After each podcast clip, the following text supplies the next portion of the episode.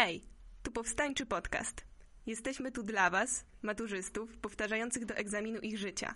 Uczniów, którzy z nieokreślonych przyczyn zapomnieli o nauce na sprawdzian z epoki i szukają ostatniej deski ratunku.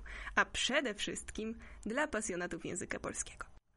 Za cel obraliśmy sobie przedstawienie Wam najistotniejszych faktów związanych z daną epoką, wytłumaczenie wcześniej niejasnych dla Was pojęć i opowiedzenie co nieco o literaturze w zwięzły, nieskomplikowany sposób, a przede wszystkim oszczędny pod względem czasu. Dlatego, aby już nie przedłużać, zapraszam Was na pierwszy odcinek o Biblii.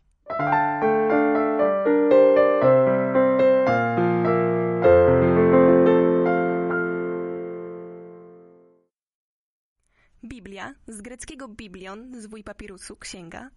Biblia jest dziełem teandrycznym, boskoludzkim. To orędzie Boże przekazane za pośrednictwem ludzi.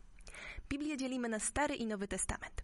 Stary jest zbudowany z 46 ksiąg, z których kojarzymy takie postaci jak Noe, Abraham czy Mojżesz. Nowy Testament zbudowany jest zaś z 27 ksiąg, między innymi z Ewangelii, dziejów apostolskich, listów apostolskich i apokalipsy. Podsumowując, Stary Testament dotyczy przede wszystkim relacji Boga z ludźmi, zaś Nowy relacji Jezusa i ludzi. W Biblii autorstwo każdej księgi przypisuje się komuś innemu.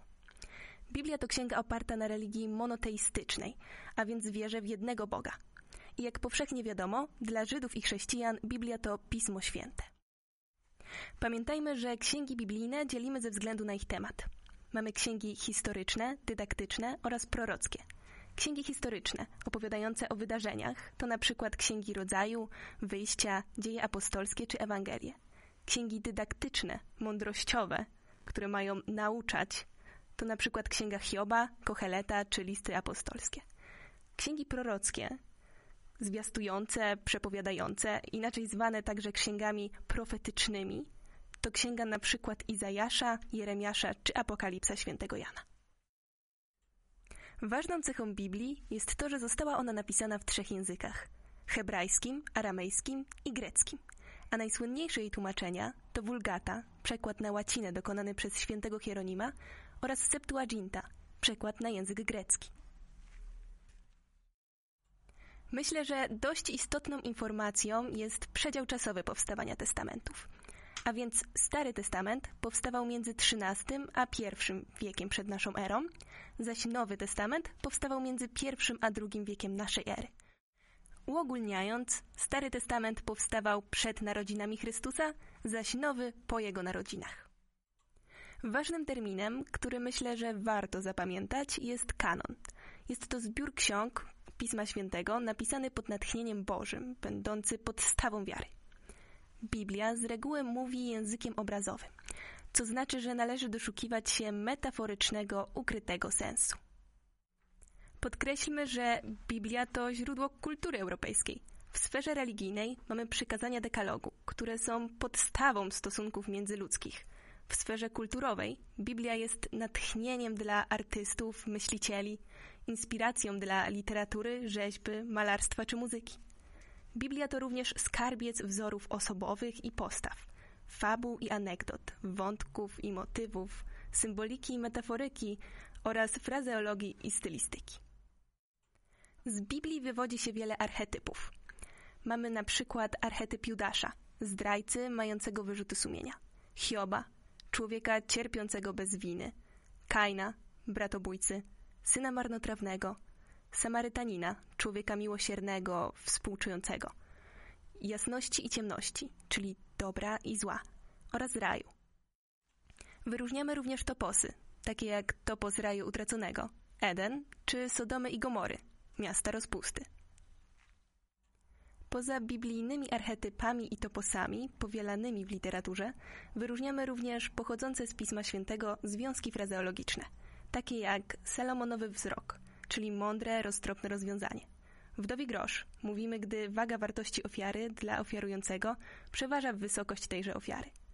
O zaskakującym darze ratunku z trudnej sytuacji mówimy, że jest to manna z nieba. Zakazany owoc, czyli rzecz kusząca, a jednocześnie zabroniona. Miejsce upadku moralnego, zepsucia to Sodoma i Gomora. Mądra i sprawiedliwa, lecz nie zaskakująca decyzja to Salomonowy wyrok. Syn marnotrawny to ktoś, kto popełnia błędy, ale potrafi się do nich przyznać. Marzyć to inaczej budować zamki na wodzie. I Hiobowa wieść, czyli tragiczna wiadomość. Kolejnym ważnym terminem jest biblizm. Jest to wyraz lub stałe połączenie wyrazowe wywodzące się z tekstów i obrazów Pisma Świętego, używane współcześnie w znaczeniu przenośnym, mające status cytatu, aluzji, przysłowia, którego źródło znajdujemy w Starym lub Nowym Testamencie, a używamy w oderwaniu od kontekstu biblijnego. Przyjrzyjmy się teraz trochę bliżej stylowi biblijnemu, charakterystycznemu dla tekstów biblijnych sposobowi językowego kształtowania wypowiedzi. Cechują go paralelizmy składniowe, czyli ciągi zdań o takiej samej lub podobnej budowie. Na przykład, kiedy początek kilku zdań pod rząd jest taki sam. Inwersja składniowa, czyli zaburzenie naturalnego szyku zdania. Specyficzne biblijne terminy. Mnogość spójników rozpoczynających wypowiedzenie. Nagromadzenie zdań w stronie biernej, takich jak anioł został posłany. Przewaga zdań współrzędnych, liczne archaizmy, bogactwo środków artystycznych, występowanie związków frazeologicznych oraz patetyczny ton wypowiedzi.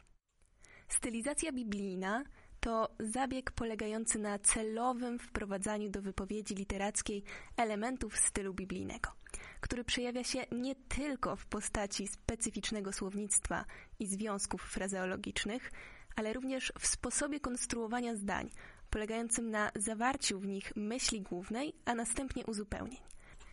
Na przykład szczęśliwy, kto nie chodził za radą bezbożnych i na drodze grzeszników nie poznał i w gromadzie naśmiewców nie siedział.